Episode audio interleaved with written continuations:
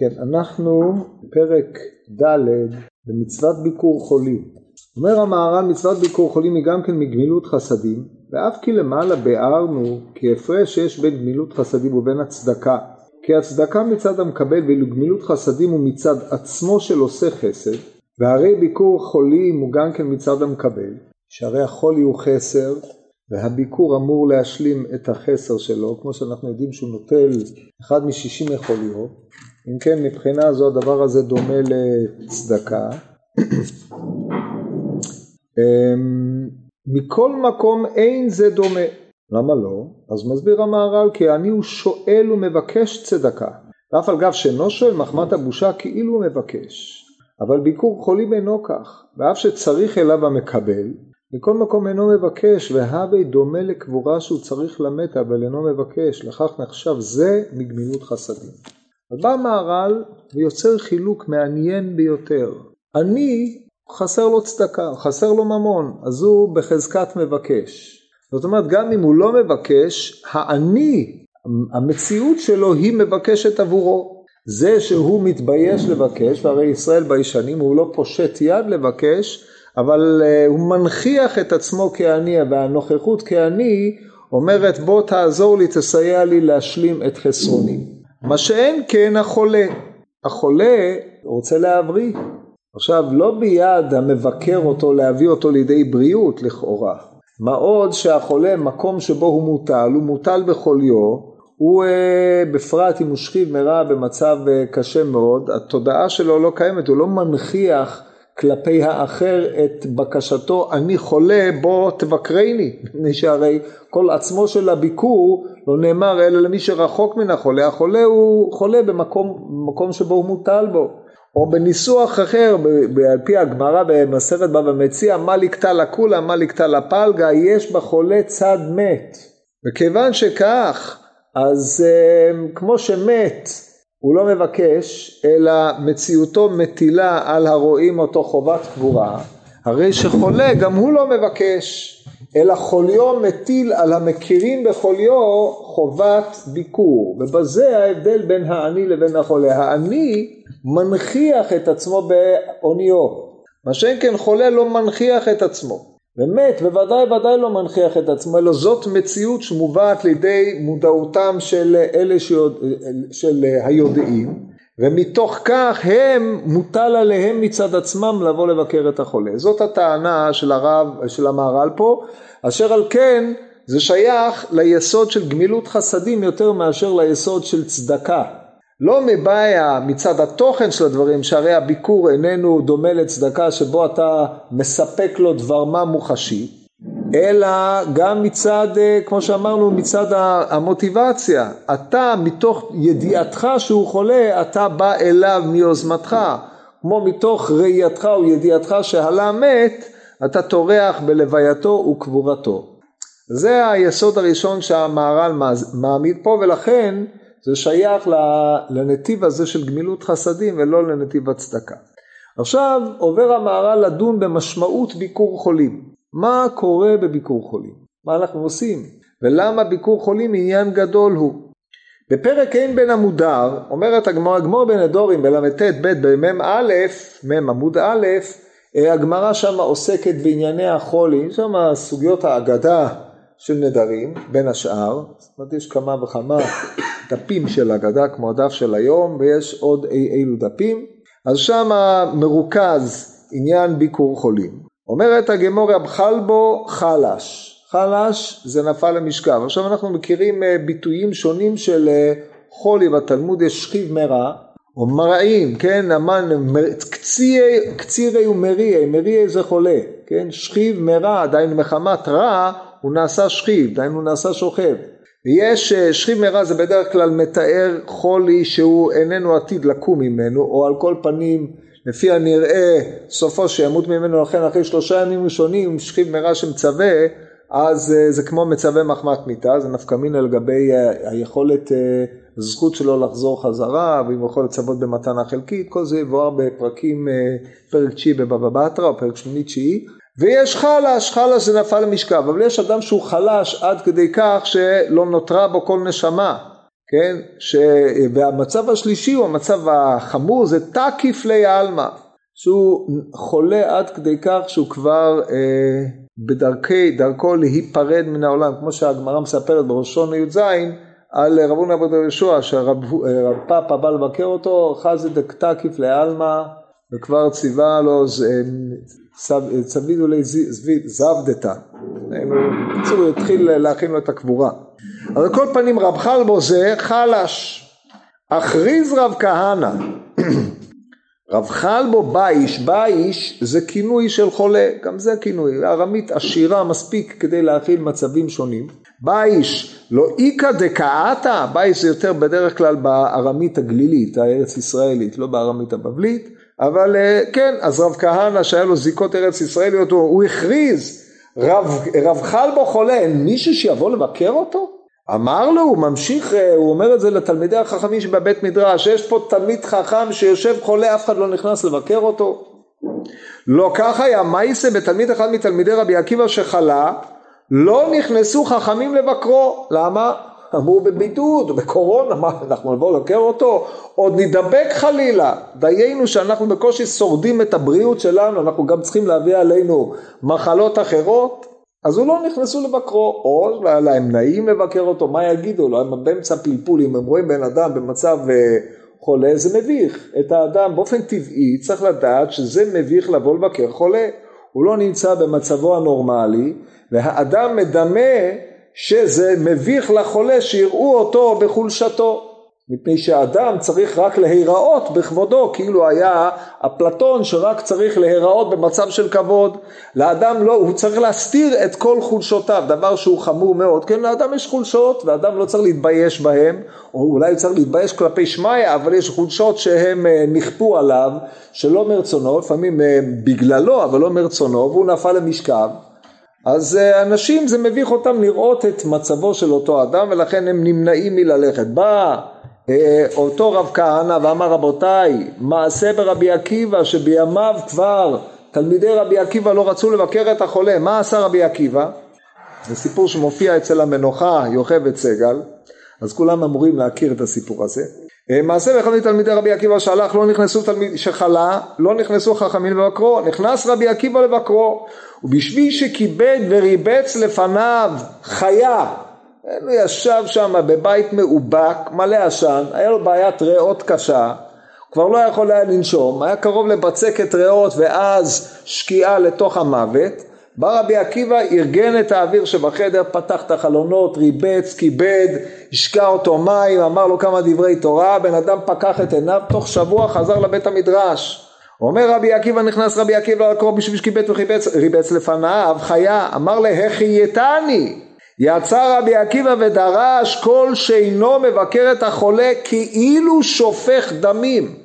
טענה רבתי, כן? בין מחיה מתים לבין כאילו, אם עשית אתה כאילו מחיה מתים זה יפה, אבל לבוא ולהגיד שאם לא עשית אתה כאילו שופך דמים, הדבר הזה הוא חריף מאוד. מה, מה הפשר הדברים האלה? כי את הרב דימי אמר כל המבקר את החולה גורם לו שיחיה. עד כדי כך מגיעים הדברים. וכל שאינו מבקר את החולה גורם לו שימות. אין מצב ביניים? עת לעת אה, יש עת כזאת ועת כזאת, בין גורם שיחיה, גורם שימות, אין, לא גורם לא לזה ולא לזה, הרי ככה אנחנו היינו חושבים, אתה לא מבקר את החולה, אין לך שום השפעה חיובית עליו, אבל באותה מידה גם אין לך השפעה שלילית עליו, לא עשיתי לו שום דבר רע, כן? הוא בחוליו, חוליו הביא עליו את המוות, אומרים לו לא, אתה שלא ביקרת אותו גורם לו שימות, שואלת הגמורה מהי גורם? אילי מה כל המבקר את החולה מבקש עליו רחמים שיחיה ושאינו מבקר את החולה מבקש עליו רחמים שימות. לא מבקר את החולה אתה מבקש רחמים שימות. שואלת הגמור איזה אהבה אמינא זאת איך יעלה על הדעת? אומרת הגרימה היא בקשת רחמים. אומרת הגמור שימות סלקתייתך לא אמרתי כלום לא ביקשתי לא לפה ולא לפה איך עשית אותי? לא, מי לא מבקש מבקש שימות אלא אומרת הגמורה כל שאינו מבקר את החולה אין מבקש עליו לא שיחיה ולא שימות. עד כאן. אז מה נתבהר לנו מכל זה? בא רבי עקיבא ודרש כל שאינו מבקר את החולה כאילו שופך דמים. כי את הרב דימי הביא את השמועה הארץ ישראלית הבאה, כל שמבקר את החולה גורם לו שיחיה, וכל שאינו מבקר את החולה גורם לו שימות, במובן הזה שהוא לא מבקש עליו לא שיחיה ולא שימות. אומר רבי עקיבא, מי שלא מבקש עליו לא שיחיה ולא שימות, כאילו שופך דמים. שואל את עצמך, מה, למה? איך זה יכול להיות? מה מונח פה ביסודם של דברים? ברור לחלוטין, עוד לפני שנראה את המהר"ל, שמוטלת עליך חובה לפי מה שעולה פה מדברי רבי עקיבא, ברגע שאתה יודע שאדם חולה, מוטלת עליך החובה ללכת להחיות אותו. אם אתה רואה אדם ברחוב, אתה יודע עזרה ראשונה, אתה רואה אדם ברחוב שהוא נפל, ואתה יודע לעשות לו הנשמה ולא עשית לו הנשמה, אז אתה שופך דמים. אם יכולת להציל אדם מתביעה ועמדת מן הצד ולא הצלת אותו במקום שאתה לא מסתכן סכנה סבירה או סכנה שהיא קרובה לוודאי, אתה שופך דמים. על זה אמר הכתוב, לא תעמוד על דם רעך. אז אומר, בא רבי עקיבא ולקח את הלא תעמוד על דם רעך ואמר, אתה יודע שהאדם הזה חולה? לא ביקרת אותו, שפכת דמים. עכשיו מה יהיה הדין אם החולה הזה פתאום למחרת הגיע לבית מדרש? איזה דמים שפכתי? הרי הוא ממילא קם ובא לעצמו לבית מדרש גם להסתדר בלעדיי. אבל באותה מידה, אם ראית מישהו, אתה עומד על הנהר, ורואה מישהו שבנהר נופל למים שאין להם סוף, כי עובדא דרב מאיר, הידוע בסוף יבמות, אתה יכולת לשלוח חבל ולהציל אותו, אבל במקום זה העדפת לשחק בטלפון. אמרת, טוב, אם הוא נפל למים, כנראה ככה רצו, כמו התפיסה הגורלית, הפטאלית של הערבים. למחרת אתה מוצא אותו יושב לפניך בבית מדרש ונושא ונותן ואתה שואל אותו רבנו איך הגעת לפה? הוא אומר נשאני גל העביר אותי מגל לגל מגל לגל עד שגייני לפה אתה לא עברת עליו שלא לא תעמוד אדם רעך? ודאי וודאי שעברת. זה שהקדוש ברוך הוא חס עליו וגרם לו הצלה זה לא פוטר אותך מאחריות אתה לא יכול להשליך על האחרים, על הקדוש ברוך הוא, את האחריות להציל אותו, היא מוטלת עליך, זימנו לך את המצב הזה, תנהג בו כראוי. זה הכוונה של רבי עקיבא. זה כאילו שופך דמים. עכשיו בא רב טימי והוסיף פה, אתה גורם לו שימות. גם אם הוא לא מת, אתה מהגורמים המתמידים את מחלתו, ומחלה כמו שאמרנו זה פלגה דמיתה. כי כמו שאמר הרמב"ם, החולה לא יבין מושכל וחיי בעלי החוכמה בלא תורה כמיתה הם חשובים. אדם שהוא חולה, לא יכול לחשוב בלימוד, כן? לא, לא מדובר פה על, אין לו מה לעשות, הוא לא יכול לראות סרטים, הוא לא יכול, כואב לו העיניים, הוא לא יכול ללכת לבלות, הוא לא יכול, זה, זה הרי ממילא מוות, כן? רשעים בחייהם, קרויים מתים, מה שהוא עושה זה חיי מוות, אבל פה כשרבי עקיבא מדבר, הוא מדבר על חיי החיים, אדם שהוא חולה, אומר הרמב"ם, לא יבין מושכל. הוא לא יכול ללמוד, הוא לא יכול להתעסק בחיים האמיתיים שניתנו לו, לא בחייו הביולוגיים, לזון את גופו ואת הזיותיו, אלא הוא לא יכול להתעסק בחיי הרוח האמיתיים שלו. ולכן כאשר אתה בא אליו, או אתה גורם לו שימות במובן הזה שאתה לא, לא מסלק ממנו את אותו היעדר חיות שיכולה להיות לו. עד כאן בלי המהר"ל. עכשיו נראה את המהר"ל. רצה לומר כאשר מבקר את החולה מבקש עליו רחמים כי כך עניין הביקור עצמו שהוא בקשת חיות. אבל בקשת רחמים בביתו בלא ביקור אינו כל כך כיוון שלא בא על ידי מייסה של ביקור חולים אינו דומה לזה כמו שהולך אל ביתו לבקרו דבר זה בקשה גמורה עליו. אומר המהר"ל דבר מדהים על פניו, כשאתה הולך לבקר את החולה, מיד במקום לדבר עם את החולה, אתה פותח ספר תהילים, מתחיל למלמל פרק מ"א ועוד סדרת פרקים שעוסקים בחולה. אומר זה לא הכוונה. עצם העובדה שהלכת לבקר את החולה, זה עצמו בקשת רחמים. אבל אני לא ביקשתי מאף אחד. אני התייצבתי אצל החולה, אמרתי לו מה שלומך, אתה צריך משהו, ופה, ואני אספר לך מייסה כזה, ומדבר איתו, ומעודד אותו, ואומר הכל יהיה בסדר, ושואל אותך מניין לך, תביא ראיות, אמרתי אין לי ראיות, אבל מובטחני לפי הצבע של הפנים שלך, ועוד אתה מתחיל לבלבל לו את המוח, עד שהוא מתעודד, ומיד קם, והכל טוב, כן? זה נקרא בקשת רחמים, אומר המהר"ל. למה? זה הפשט, לא שמי שמבקר אותו מתעורר להגיד עליו תהילים, זה חוץ המעשה. אבל כשאתה מבקר, אתה מבקר אותו אתה מבקש רחמים, למה? מפני שהביקור של החולה נובע מן הרצון שלך שהחולה הזה יבריא. אתה לא הולך לבקר אותו כדי שיאמרו מתי ימות ואבד שמו. יצא לחוץ לדבר, כן, כמו שכתוב בתהילים מ"א בפרק ההוא. אתה לא הולך לבקר אותו לראות באיזה מצב הוא נמצא טוב, אז יש לנו עוד ארבעה ימים לירושה, כן? זאת אומרת, יש כאלה שמדברים ככה, זה מצער, כן? שהם מבקרים את אביהם בבית חולים מתוך תקווה שהביקור הזה יקצר את ימיו ויקרב אותם אל הירושה, ודברים נוראים שאי אפשר לתאר בכלל. אבל יש. אתה הולך לבקר אותו מפני שאתה רוצה אותו בחיותו. אם כן עצם הביקור זה בקשה מהקדוש ברוך הוא ריבונו של עולם אני רוצה לבקר אותו כדי לראות אותו מבריא אז אתה לא צריך דברים. יש ביסוד הזה מתבהר פה יסוד. יש סוג של תפילה שהיא במעשיו של האדם. כמו שמתוך מעשיו יוכר לאיזה דבר הוא מתכוון. כך לשון הרמב"ם בפרק אה, ח' מהלכות שביתת יום טוב. איך כתוב? מחשבתו ניכרת מתוך, במחשבתו ניכרת מתוך מעשיו כמפלגי, כן, הגמרא בביצה בי"ט, אז אותו דבר פה, יש מחשבתו ניכרת מתוך מעשיו, מחשבתו זה בקשתו, כן, כן, גמרא בכריתות, בקשתו ומחשבתו. הרצון שלו, של האדם, ריבונו של עולם, הרי במי תלוי החיים, במי תלוי החולי, כן, הקדוש ברוך הוא, הוא אל רופא נאמן, אז כשאדם מבקר אותו, הוא בעצם ביקורו מבקש מהקדוש ברוך הוא, בלי מילים. זה הפשט של המהר"ל. אם אחרי זה תבוא הביתה ותוסיף פרק תהילים, תגיד ברפאינו מה שאתה צריך להגיד, כן, אל נא רפאנה, עוד uh, התוספות, מי שאומר יותר פחות, בקיצור, תגיד שם מה יפה. אומר המהר"ל, אם תעמוד בבית ותתפלל עליו, זה לא דומה. כי אינה דומה שמיעה לראייה. כשאתה נוכח שם, הנוכחות שלך, ההליכה שלך אל החולה, היא עצמה, הטרחה, זה שאתה פעלת והלכת, זה עצמו מגלה את מירב העניין שיש בך בחיותו של החולה.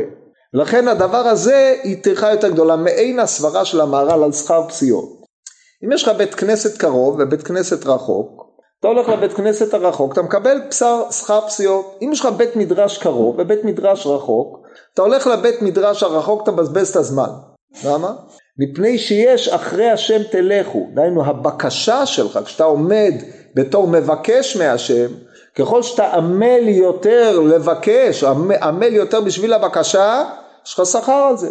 אבל כשאתה צריך ללמוד, לעסוק במושכל, וההליכה מעכבת אותך מאותו לימוד, אז אתה רק מפסיד, אין לך שום שכר על הדבר הזה. אלא אם כן שמה יש לך איזה רבה שאומר תורה בסגנון שאתה אוהב, ופה רבה שאומר תורה בסגנון שאתה לא אוהב. שפה לא תבין ושם תבין, אז תלך לאן שתבין. אבל אם מדובר במצב שווה, אין לא פה ולא פה רבה, או יש אותם ספרים באותו מקום, או אותם רבנים, הכל אותו דבר, לך לקרוב. אבל בתפילה המאמץ, ההליכה אחרי השם אלוהיכם תלכו, ילכו, כן? ההליכה אחרי השם היא השכר. כיוצא בזה הטרחה, כיוון שהנוכחות שלך אצל החולה היא עצמה הבקשה, אז ההליכה אל החולה היא אמירה הרבה יותר גדולה מאשר העמידה והמלמול שאתה עושה בבית או בבית כנסת שאתה אומר אמ, את מה שאתה אומר על החולה. זה היסוד הראשון של המערב. בפרק הנ"ל אמר רבי אמר שמואל כל המבקר את החולה ניצול מדינה של גיהינום שנאמר שימו לב איך הוא דורש את הפסוק אשרי משכיל אל דל ביום רע ימלטהו אדוני כך אומר תהילים מ"א אשרי משכיל אל דל, דל הוא חולה.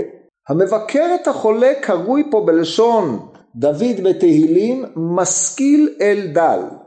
למה המבקר הוא משכיל? ואם הוא לא משכיל, לא מבין כלום, לא יודע. כי משכיל אל דל ההנחה היא שכשאתה הולך אל החולה, אתה רואה אותו בתור חולה, מעניין אותך מה יכול לעזור לו. גם אם אתה, אתה מחפש איך להשכיל אל הדל לחלץ אותו מדלותו. זה ההשתוקקות שלך, בין אם אתה תצליח, בין אם אתה לא תצליח, אבל כל עניינך הוא להשכיל אל דלותו. זה לא רק שאתה עמדת שם כדי לסמן וי, ביקרתי את החולה ולא דיברתי איתו ולא אמרת לו מילה, אלא התייחסת אליו באשר הוא דל כדי לחלץ אותו מדלותו, אז אותו משכיל אל דל אשריו, מדוע? ביום רעה, וגם רשע ליום רעה כתוב. ביום רעה, מה זה יום רעה?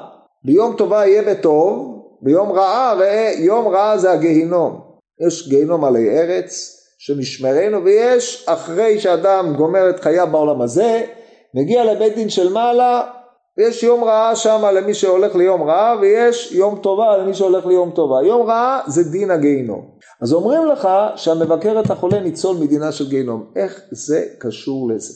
זו שאלה ראשונה, זה כמובן המהר"ל לטפל בעניינים האלה. ממשיכה הגמורה ואומרת, איך אתה יודע שדל זה חולה? משכיל אל דל, אולי זה נותן צדקה. אומרת הגמורה בן דלל לחולה שנאמר מדלה יבצעני. כך אומר אה, ירמי ישעיהו, מדלה יבצעני. אינמי, מהדין קרא. לא למדת את זה מהפסוק מדלה יבצעני, כי שם הפסוק מדבר על מצבו האומלל של ישעיהו, ל"ד נראה לי. מדלי יבצעני, אוי מהדין קרא, מדוע אתה דל ככה בן המלך? בבוקר בבוקר כך אומר יונדב לאמנון, במייס המפורסם. ואין רעה אלא גיהינום שנאמר כל פעל השם, כל פעל אדוני למענהו וגם רשע ליום רעה זה גיהינום. כל פעל השם, השם פועל כל למענהו, למענהו זה בשביל, בשבילו, כן?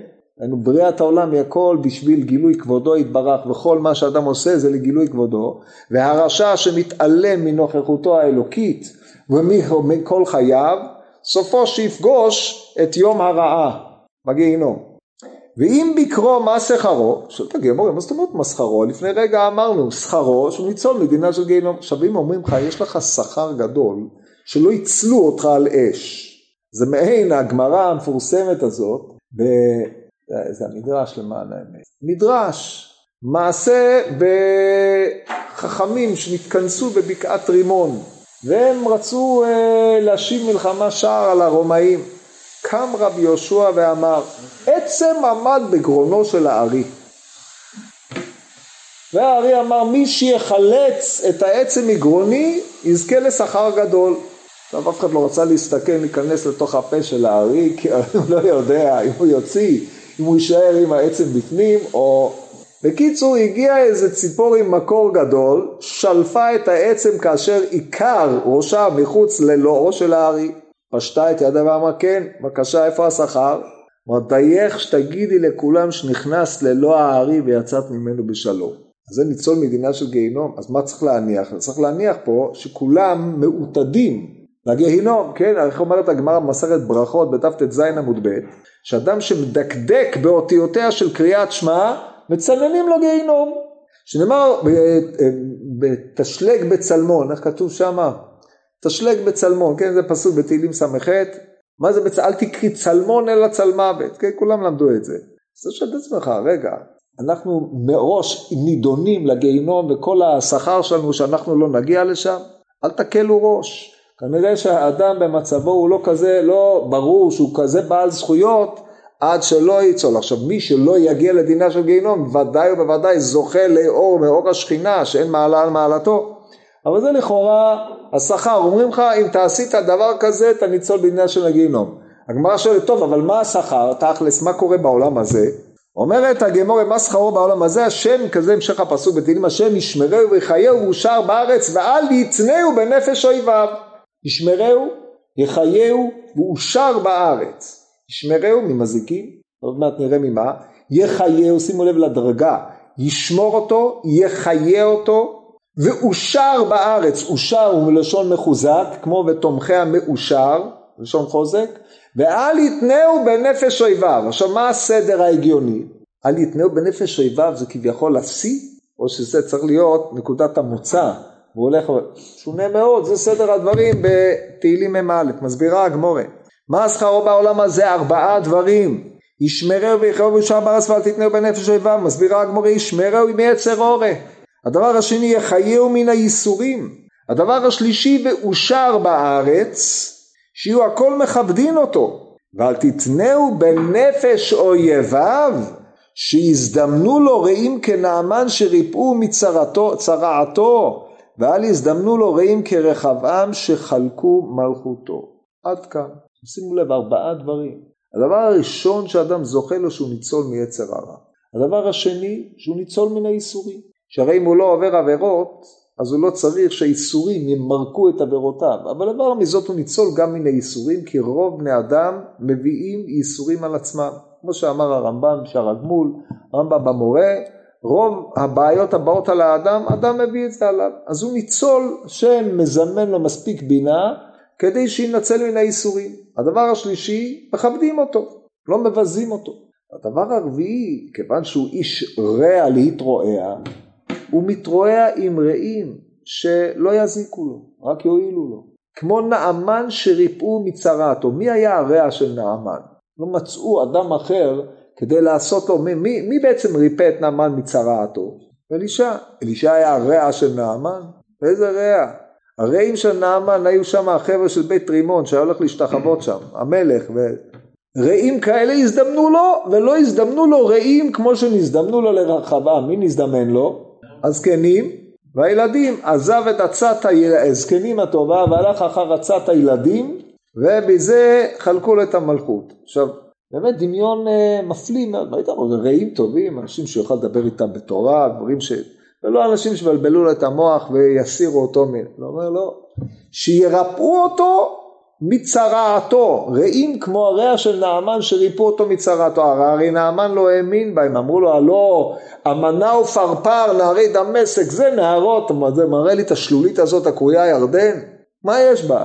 אמר לו מה אכפת לך? תעבור בירדן, תטבול, כמה טבלו בירדן, לא יקרה כלום, לא יקרה כלום, לך לאמנה ופרפר, יקרה משהו, הרווחת, זה רק ווין ווין כמו שאומרים, הלך לירדן, טבל, פלאי פלאים, שב בשרו כבשר נער קטון, התייצב חזרה אצל אלישע ואמר לו באתי לשלם, אמר אין פה תשלומים, הכל חינם, ונעלם, כן זה היה נעמן, וזה נקרא רעים, מה הוא רוצה?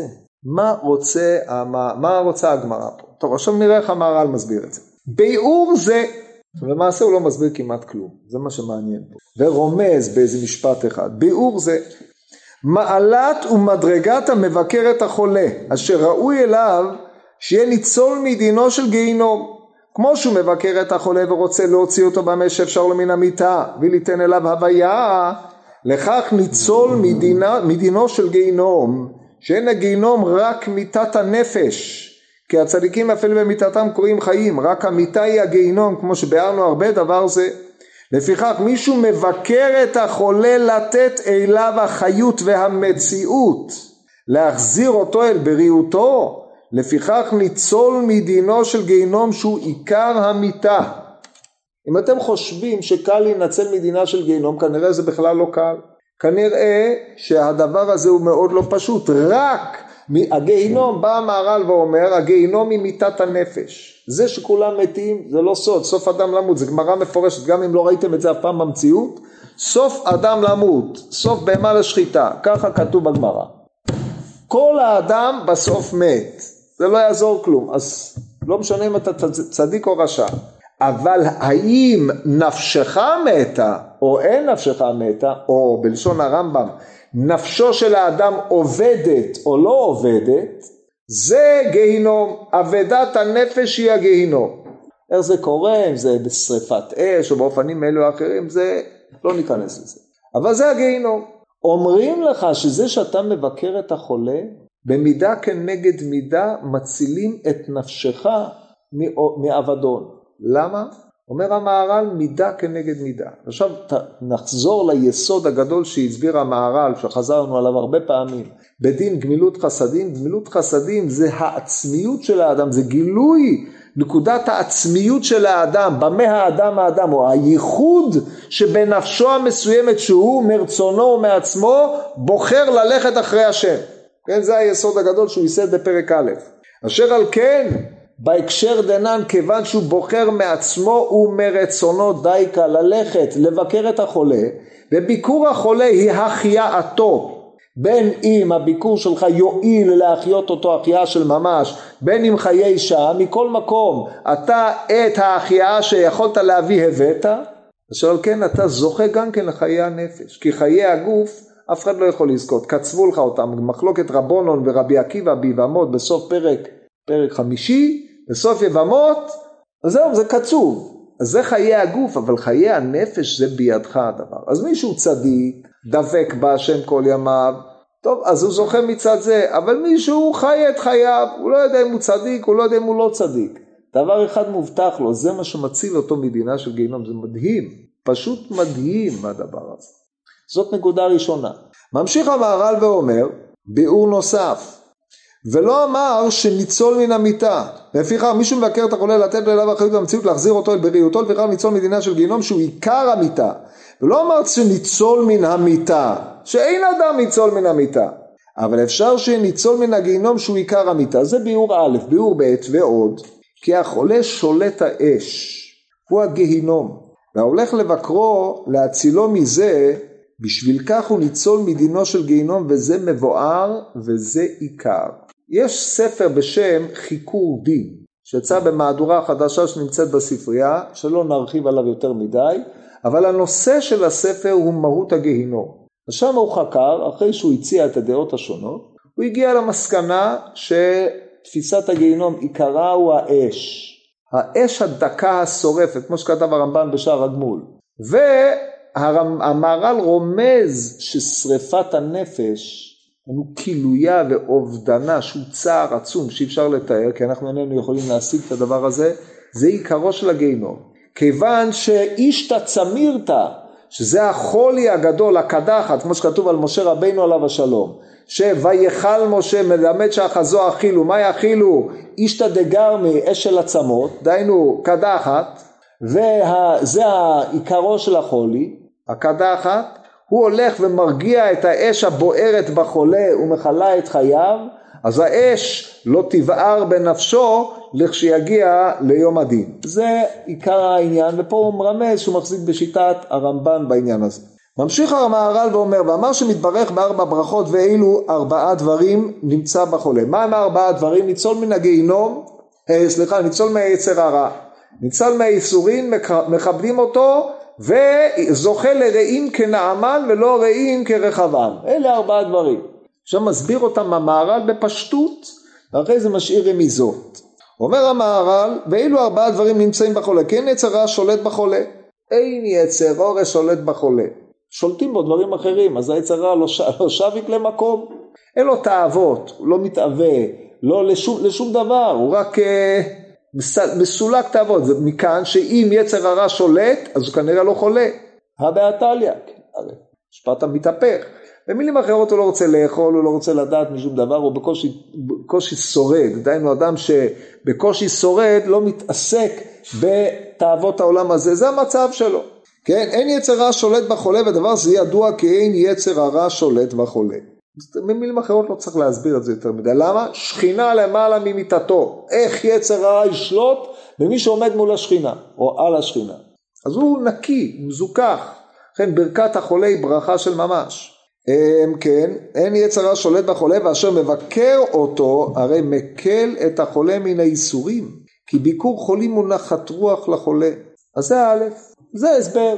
ולכן ניצול מן היצר הרע, דהיינו כשם כשאתה מבקר חולה ועושה לו נחת רוח, מבקר מישהו שאין יצר הרע שולט בו, ועושה לו נחת רוח, מידה כנגד מידה, יצר הרע לא תוקף אותך. עכשיו יצר הרע כמו שאמרתי כמה פעמים ואתם צריכים להשריש את זה במוחכם, כבר הסביר את זה הרמב"ם במורה והפך את זה ליסוד ועיקר, זה כוח הדמיוני שבאדם שמטעה אותו מדרכי חיים לדרכי מיתה.